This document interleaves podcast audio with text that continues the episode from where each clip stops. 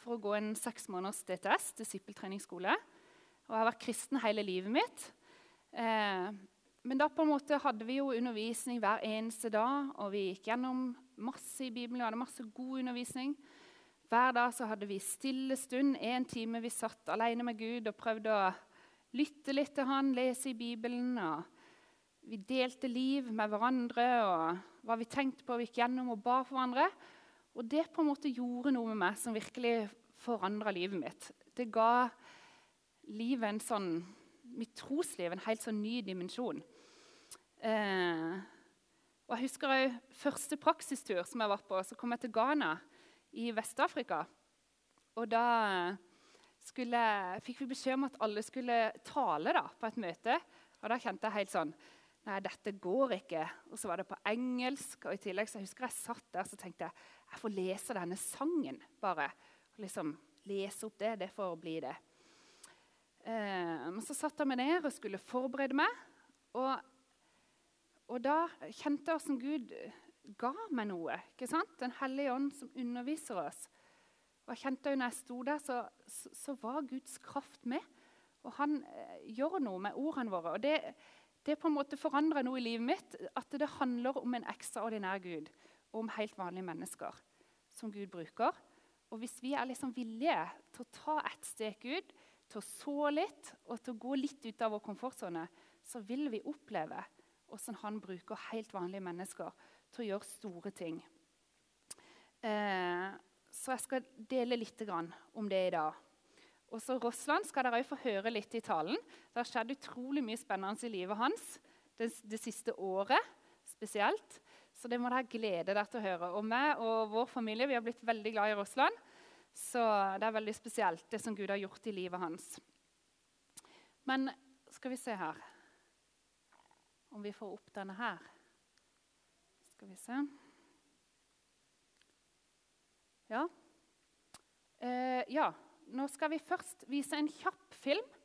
Eh, vi, ja, jeg skal fortelle litt først. Ungdom Oppdrag er jo en verdensomspennende misjonsorganisasjon. Og Vi har arbeidet i 180 land, og det er over 18 000 fulltidsarbeidere. Og Vi har tre hovedområder som vi jobber inn mot. Det er evangelisering, og trening og barmhjertighet. Og Vi er jo fra Flekkerøya, fra vårt senter der ute. Og Der jobber vi mye med trening. DTS er en av de hovedtingene vi gjør. Disippeltreningsskole. Men vi har også mange andre bibelkurs, familiearbeid. Og um, Ungdomsoppdrag Norge har òg vært med å kjøpe et sykehusskip som begynner å seile denne måneden, her, mai 2018, i Papua Ny-Guinea. Og Der har Ungdomsoppdraget Australia hatt et skip i flere år. Og vi har blitt invitert av myndighetene til å komme inn med et til sykehusskip. Og lære opp og behandle de lokale der. Så det er utrolig mye spennende som skjer. Det ligger noen brosjyrer der med kaffemaskinen så dere kan ta etterpå, både om DTS og om eh, det sykehusskipet. Og DTS er jo hovedsak for ungdom, som er seks måneder. og så er det tre måneder av de er ute på team. Men vi har òg veldig mange som er deltidsstudenter, som kommer for den perioden fra september til desember og får med seg undervisning. og sånt. Så det er jo mulig for mennesker i alle aldre å være med på. Så Vi skal bare se en kjapp eh, filmsnutt her eh, om DTS-en som vi har.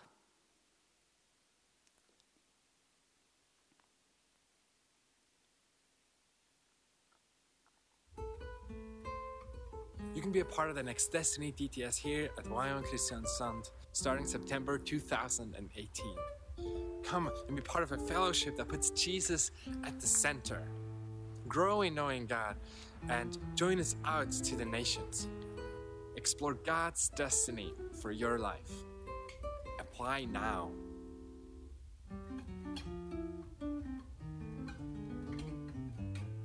Så det var bare et lite glimt av DTS-en på Skjærgårdsheimen. Men la oss be sammen igjen for i dag.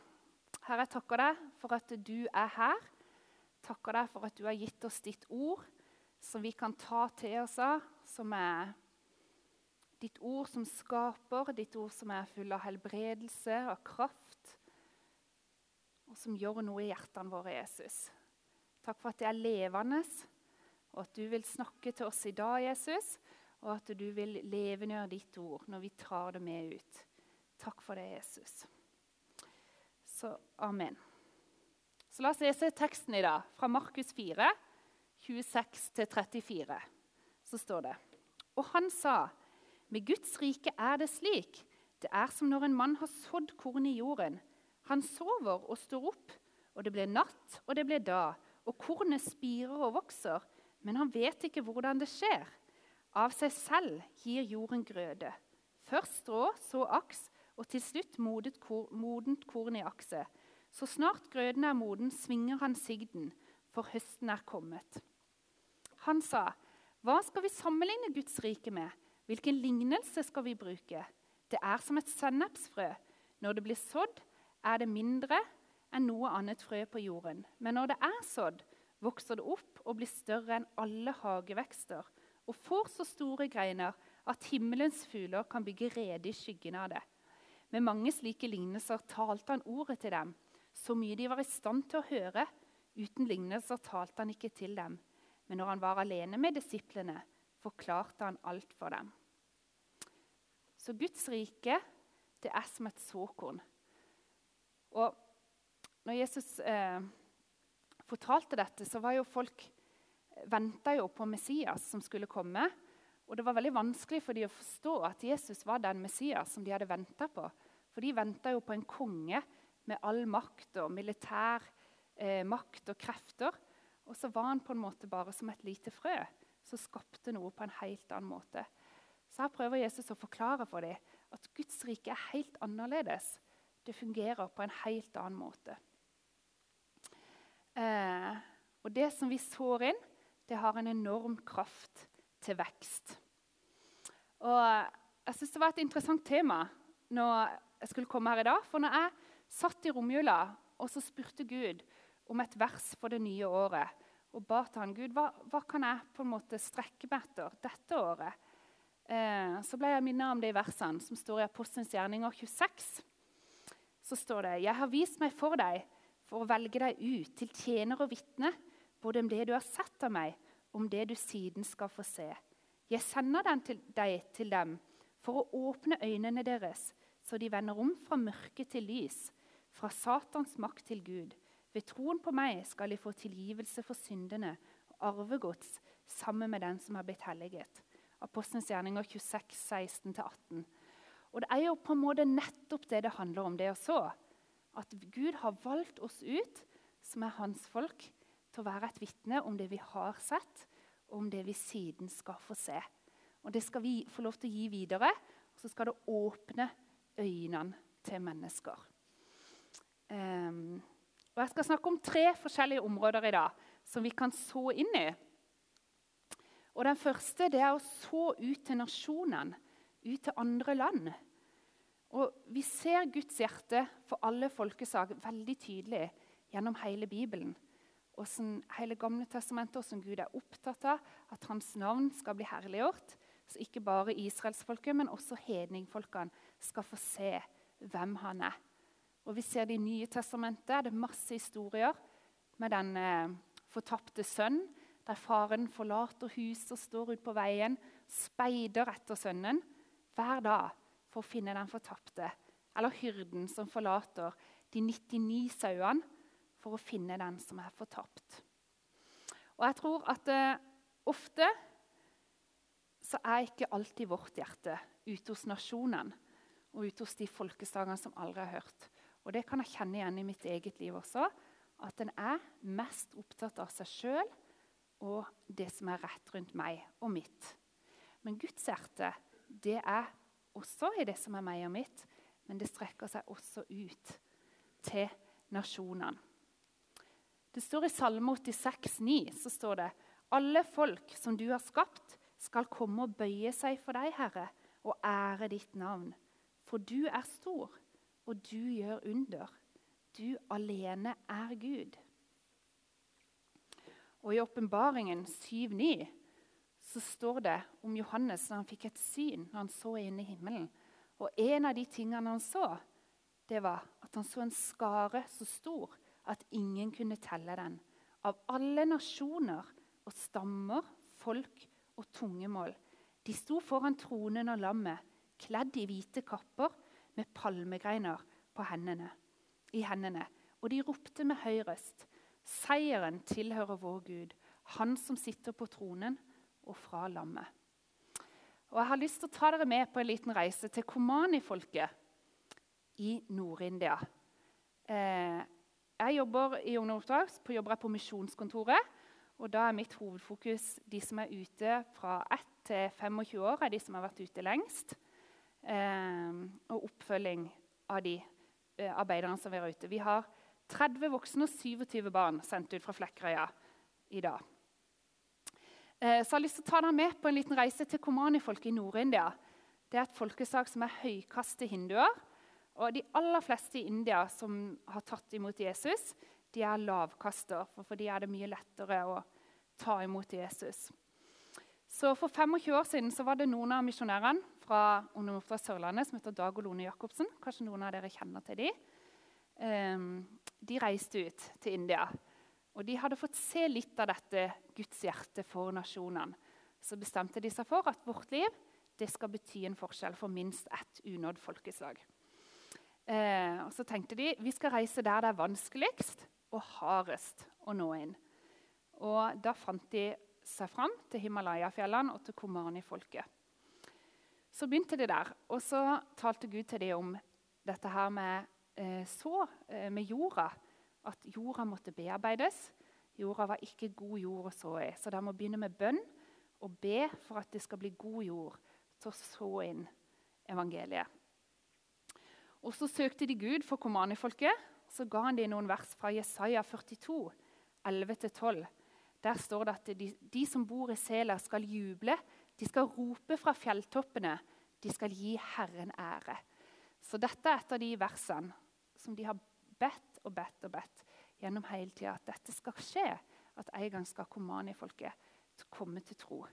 Og det er tre millioner mennesker og 0,0 eh, et, eller annet prosent kristne der.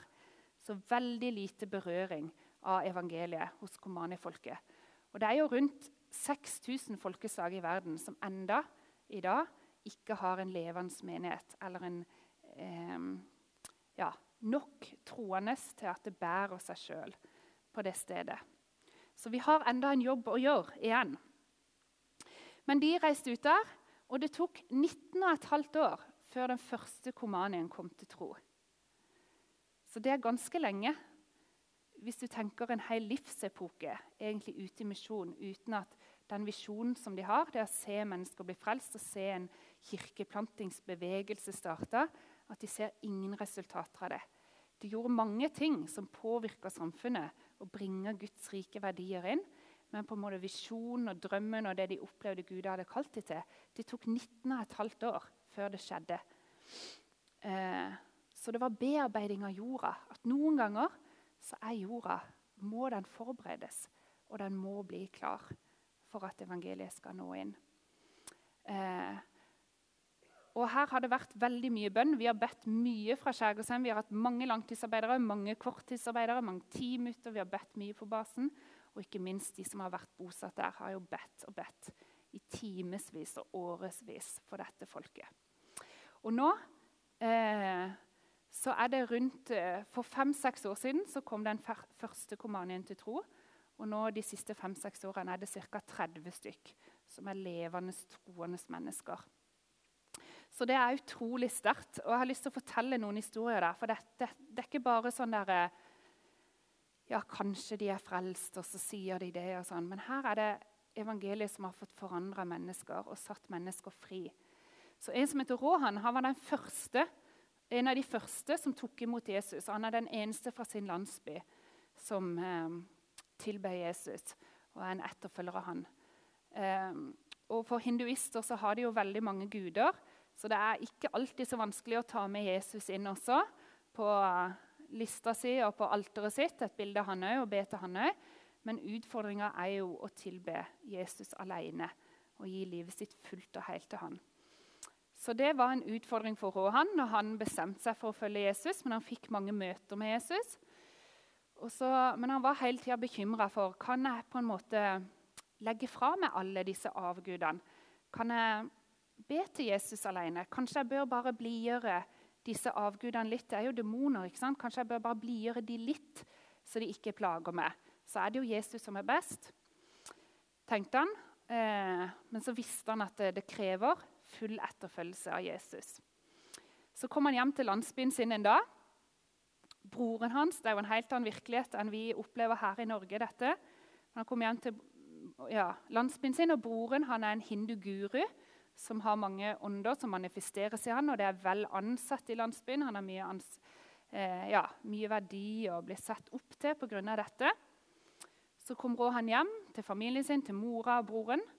Og så var det en sånn ond som manifesterte seg i broren.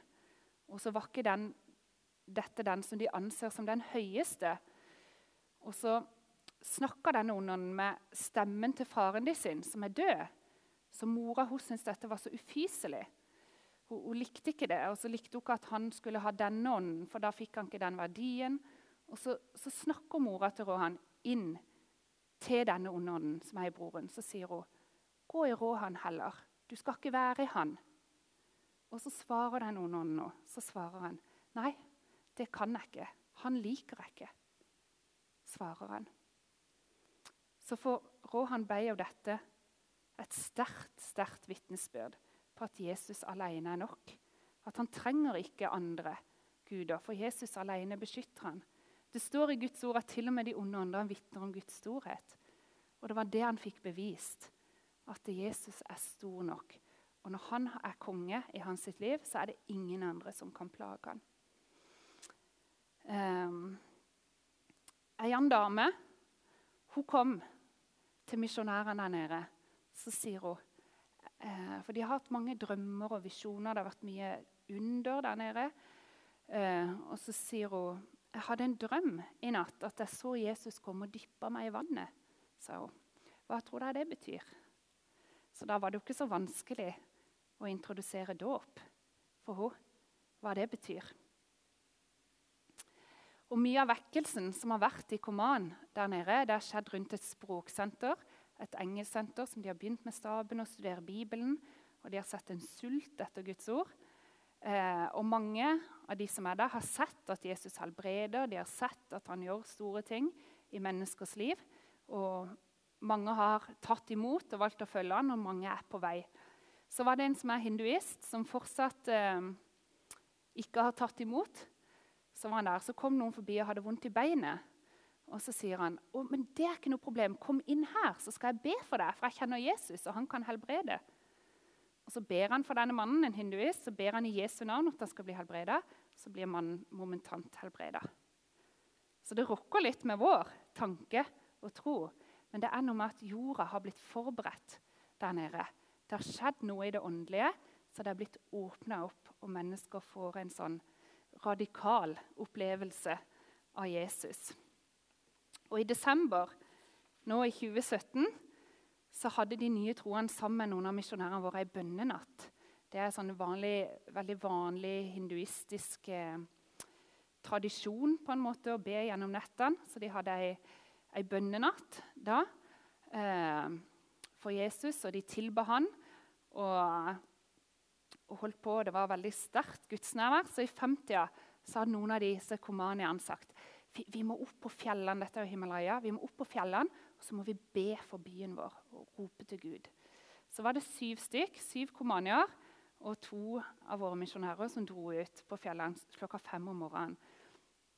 Og Så ser de disse komaniene som står på fjelltoppene og jubler og roper til Gud om frelse for byen sin og tilber Gud. Og Da skjønte de at det verset som de hadde fått for 25 år siden, da ble oppfylt at komanifolket en gang skal rope til Gud fra fjelltoppen. Eh, så Guds rike det er såkornet, og det har utrolig makt til å forandre et helt samfunn når det begynner å røre seg. Men vi trenger utholdenhet, og vi trenger bønn for å se at det skjer. Og vi trenger å så inn. Vi trenger å arbeide for at Gud òg skal få gjøre sitt arbeid. For Gud har invitert oss med til å jobbe sammen med Han. Så et lite sennepskorn kan bli et stort tre, kan gjøre store ting.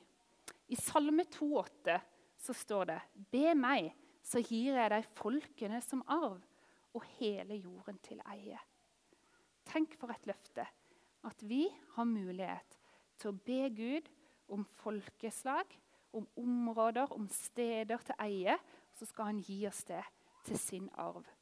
Og Det som vi opplever blant Komani-folket nå, det er utrolig sterkt for oss som er i Ungdom i oppdrag, og som har vært involvert i det. Og så se at dette er faktisk akkurat det som skjer.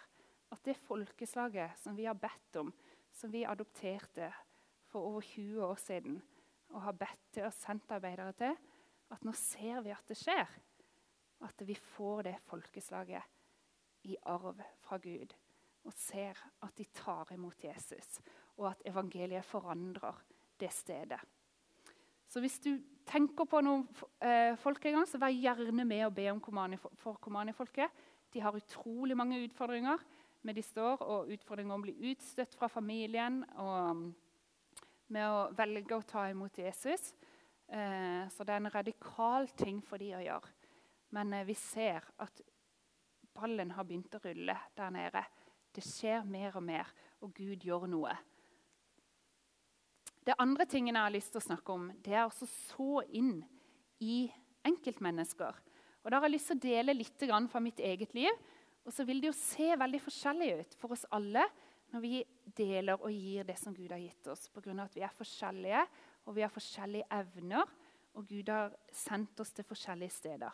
Men jeg har lyst til å dele litt, så håper jeg du kan bli litt inspirert av det. Eh, for jeg har veldig tro på bønn, så jeg ber veldig mye for nabolaget vårt. Og der som vi bor, for klassevenner til barna mine. Og sånn, og ber om at de skal først og fremst bli frelst, men òg om at de skal bare ha det godt. At de skal oppleve ja, Guds beskyttelse over familien, over barnas utvikling og sånn. Og jeg tror bønnen er et veldig sterkt såkorn for oss å være med eh, Ja, et sterkt såkorn vi kan bruke. For det skjer noe når vi ber, og Gud forbereder jorda. Og så kan vi òg bruke det. Jeg kommer i kontakt med veldig mange andre småbarnsforeldre eh, i den fasen jeg er i nå. Og så når de deler noe, f.eks. ja, den gruer seg til det, og sønnen min gruer seg til det, og liker ikke det, så prøver jeg å være frimodig og si jeg ber for han. Jeg skal be om dette. Og det er noe de aller, aller fleste mennesker de liker å bli bedt for. De syns det er bra.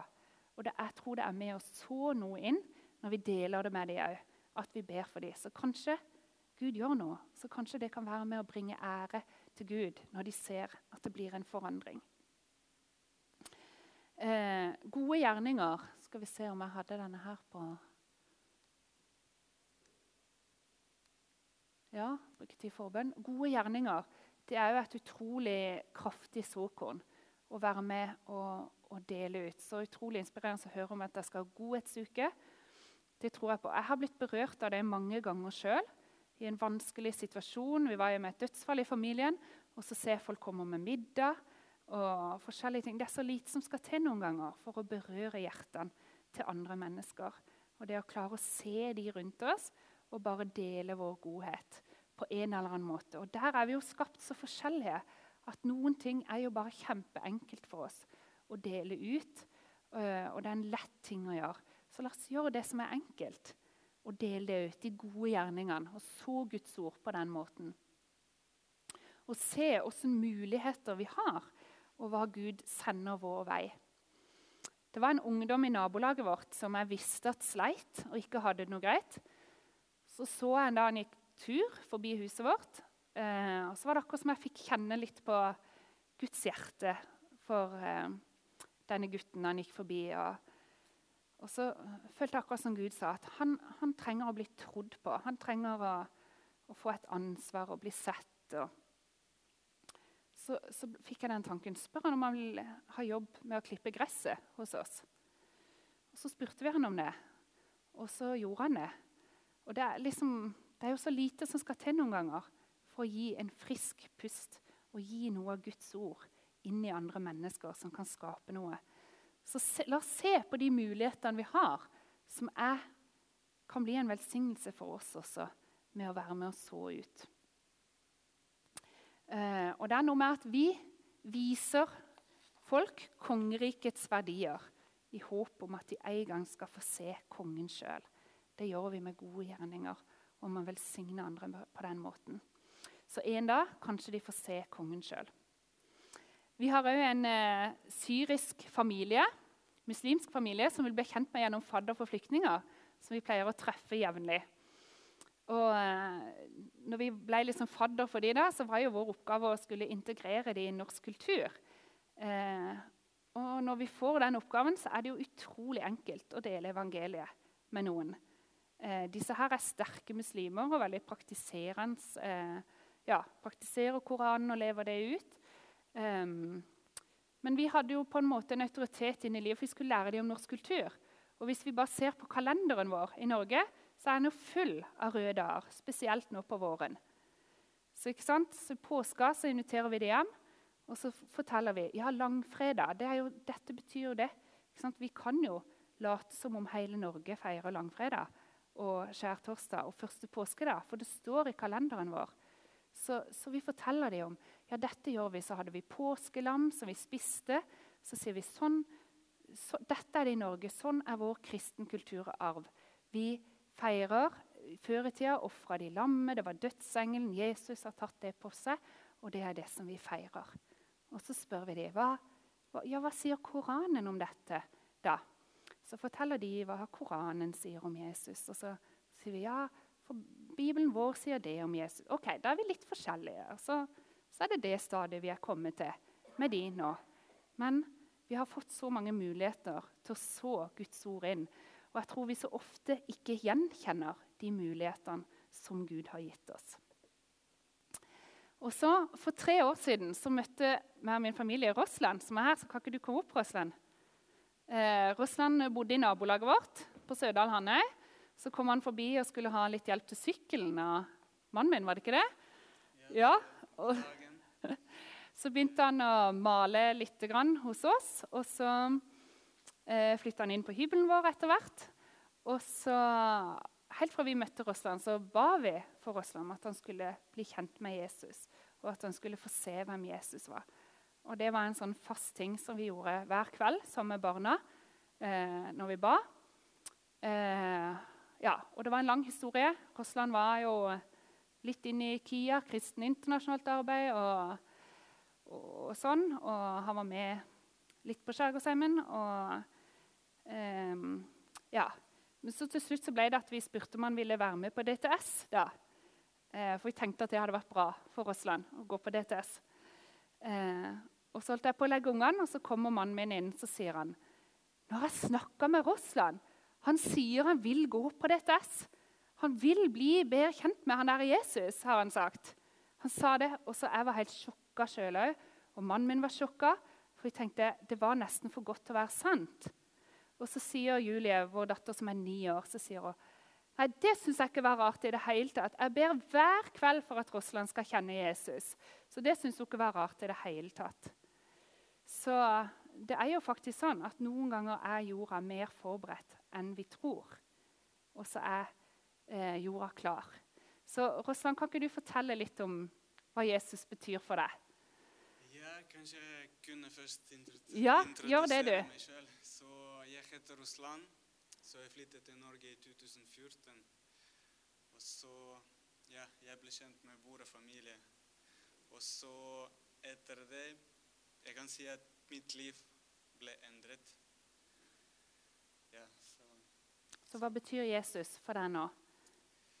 Ja, så Jesus Etter uh, ditt i skolen så jeg ble frelst på en måte. Og så jeg oppdaget masse nye ting i, i eget liv. Så Jesus akkurat nå betyr for meg trygghet. Uh, jeg føler trygghet med Jesus i livet. Og så jeg er ikke redd til å møte livet som det er med perfekte ting og alle mirakler som finnes. Eh, og så ja, livet med Jesus for meg, det betyr også ja, Jesus er frelser på en måte. Så jeg har opplevd sjøl at Jesus frelst, frelst meg. Det skjedde også gjennom DTS. Vi hadde ei uke kurs. Eh, den kalles som Plumline. Så der vi taklet ja, de innerste sårer som vi har, som vi fikk i livet. Så jeg, gjennom det jeg ble kjent at Jesus kan frelse ja, våre sårer. Og så Jesus, det er mening. Mening i liv. Eh, fordi jeg opplevde sjøl at ja, eller lært at Jesus kan gi kreftene til å gå gjennom utfordringer som oppstår i livet. Ja, og så, og så gå videre og vandre med Jesus. Mm. Veldig bra. Vil du fortelle litt om hvordan livet på innsida har blitt annerledes nå etter DTS-en? Ja, så etter DTS-en, Ellers for å si hva som er endret, jeg må begynne kanskje det som skjedde litt før, før DTS-en. Så i 2017 jeg hadde veldig tøft sommer. Eh, Jeg hadde konflikt med sjefen, så jeg ble sagt opp, så jeg mistet jobben. Og så på samme tiden eh, min bror, den eldste broren som bor i Estland, han var veldig syk, så han var i sykehuset. Så han følte ikke så godt seg. Ja. Så ja, jeg bare gått rundt og tenkte hvordan, hvordan skal jeg gjøre videre. Ja. Så det var litt håpløst tiden. Mm. Og så jeg bestemte meg å reise i Russland på besøk til besteforeldrene. Så jeg tok en liten ferie. Så da jeg kom tilbake, så planen var å begynne å lete etter jobb. Så plutselig en kveld jeg snakket med Amfinn, eh, mannen til Elisabeth, og så han lurte på om kanskje jeg kunne tenkt å ta studiet DTS. Og så den gangen jeg, var ikke, jeg hadde ikke så mye peiling på hva RDTS DTS egentlig er. Så, men jeg har vært i Skjærgårdsheimen et par ganger før. Det var som åpne, åpne, åpne kvelder med lovsang og, og tale. Og så Jeg husker den første gang da jeg var der, så jeg så hvordan folk priser Gud med løftet hender. Og så noen satt på gulvet og gråt, så for meg det var helt eh, Hva som skjer her? Så det var veldig rart for meg den gangen. Men uansett, jeg sa til Amfin «Å, ok, jeg, jeg, jeg må tenke på det litt før, før jeg ja, skal si noe. Men jeg var veldig nysgjerrig på, på det som han sa. Han sa at ja, kanskje du kan bli kjent med Gud. Du kunne finne noen svarer på spørsmålene som du har. Så jeg bestemte meg å ta to første uker for å bare se, og, se hva som kommer til å skje på den skolen. Så da jeg begynte skolen, så eh, Først og fremst jeg truffet eh, fantastiske mennesker som, som jobber der, og så, som tok sammen DTS med meg. Også den atmosfæren som, ja, som danner de mennesker som jobber der. Så jeg likte meg der med en gang. Så i tillegg vi fikk veldig dype undervisninger. Vi snakket om forskjellige ting som, ja, som rørte mitt hjerte. Ja, sånn var DTS. Og så til, ja, etter den teoretiske delen vi har reist på outreach. Så vi har vært i Ungarn, Thailand og også Kina. Så det var en fantastisk tur. Gjennom den hele turen vi truffet masse mennesker som delte med sine egne historier og vitensbyrd. Og ja, med sine opplevelser med Gud. Så det påvirket meg veldig sterkt. Så jeg skal fortelle en liten kort historie om en mann som vi truffet i, i Thailand. Eh, han heter Chai. Så han har to barn. En av de er eh, gutt, ti år, og så ja, yngste gutt, som er fire år. Og så De har adoptert seks barn. Og så, ja, De bor nå i forskjellige steder i, i Thailand. og så Noen av dem studerer, noen av dem jobber. Og så ja, Han driver med plante frukter og selger dem som en business. Så han støtter eh, de barn som ble adoptert. Eh, og så Han fortalte at hans foreldre, da de ble kristne, eh, de ble kasta ut av landsbyen. Så de visste ikke hva de skal gjøre. Så de ba til Gud, og så de fikk et ord fra Gud at de må danne egen eh, landsbyen. Så de flyttet til et annet sted, og så jeg bygde huset og så inviterte noen folk. Og så nå det, er, det bor der eh, 67 familier i den landsbyen. Og så det er veldig, veldig spennende å høre ja, hva Gud kan gjøre på en måte. Ja, veldig bra, Russland. Tusen takk. Vær så god. Er det ikke inspirerende å høre? Ja. Så folk møter Gud i dag, rett rundt oss. Og noen ganger er jorda må vi forberede jorda lenge, og noen ganger er han ganske klar til å så inn Guds ord. Eh, skal vi se. Og så Neste punkt er å så inn i seg sjøl og i sin familie. Eh, og jeg tror vi trenger også så Guds ord inn i oss òg. For forfall det er det eneste som skjer naturlig. Det er det eneste som går av seg sjøl. Men vi trenger også så å fylle oss sjøl med Guds ord og fylle vår familie med Guds ord. For vi som har barn, så trenger vi også barna våre se at vi har en stille stund med Gud. At ikke det alltid bare er i fred og ro når de er lagt seg eller er ute. De trenger å se at vi ikke bare leser Bibelen på mobil, men at vi leser den boka òg, sånn at de ser at eh, denne boka er viktig for oss. Det er ikke så lett for de å vite vi er, hva vi gjør på mobilen, om det er Bibelen eller ikke. Men hvis de ser vi leser i denne, så ser de at Bibelen er viktig. Og på den måten så sår vi inn i, i vår familie også. Um, og vi må tenke gjennom hvilken åndelig bagasje vi gir til våre barn og vår familie. Og òg hva sår jeg hver uke inn av Guds ord inn i mitt eget liv. Gud gir såkornet. Um, I 2. Korinterne 9, vers 10, så står det Han som gir såkorn til den som skal så, og brød til å spise. Han skal også gi dere såkorn og la dere bære rikelig og la deres rettferdighet bære rik frukt. Så Gud forsørger såkorn til såren, og det er han som multipliserer det. Det er han som gir vekst når vi sår ut.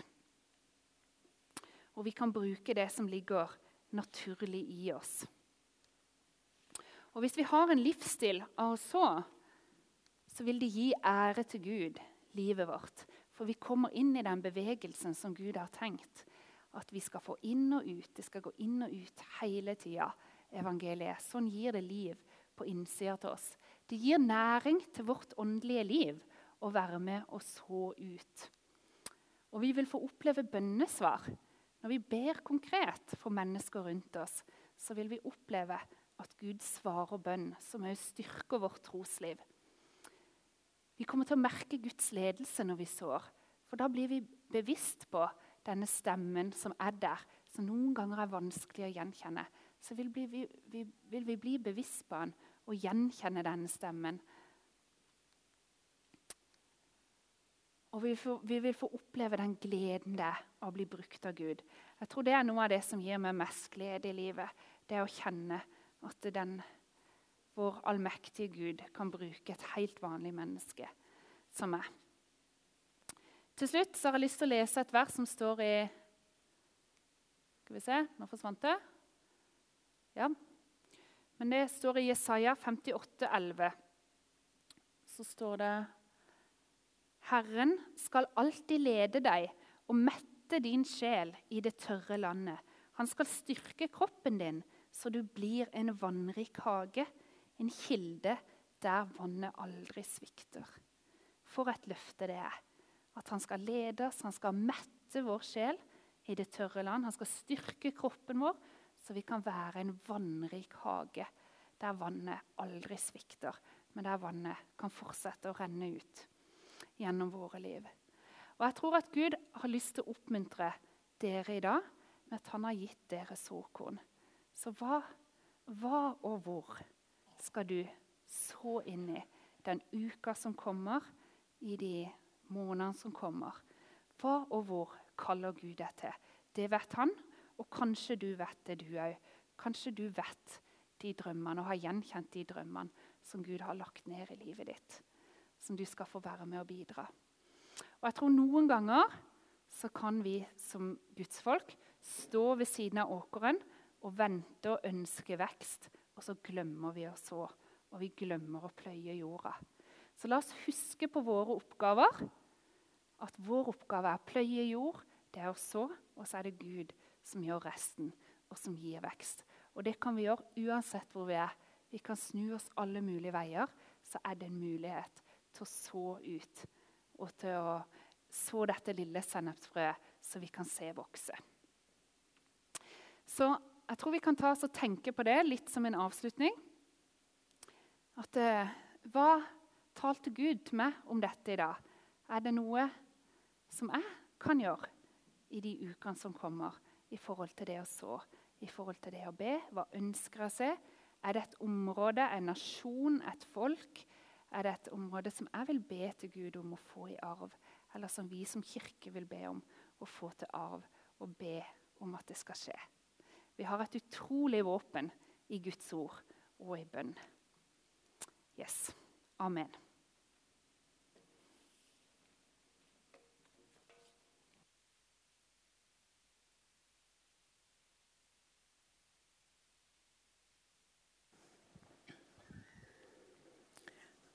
Da bruker vi noen eh, minutter nå til hver enkelt kan tenke gjennom hva vi har hørt.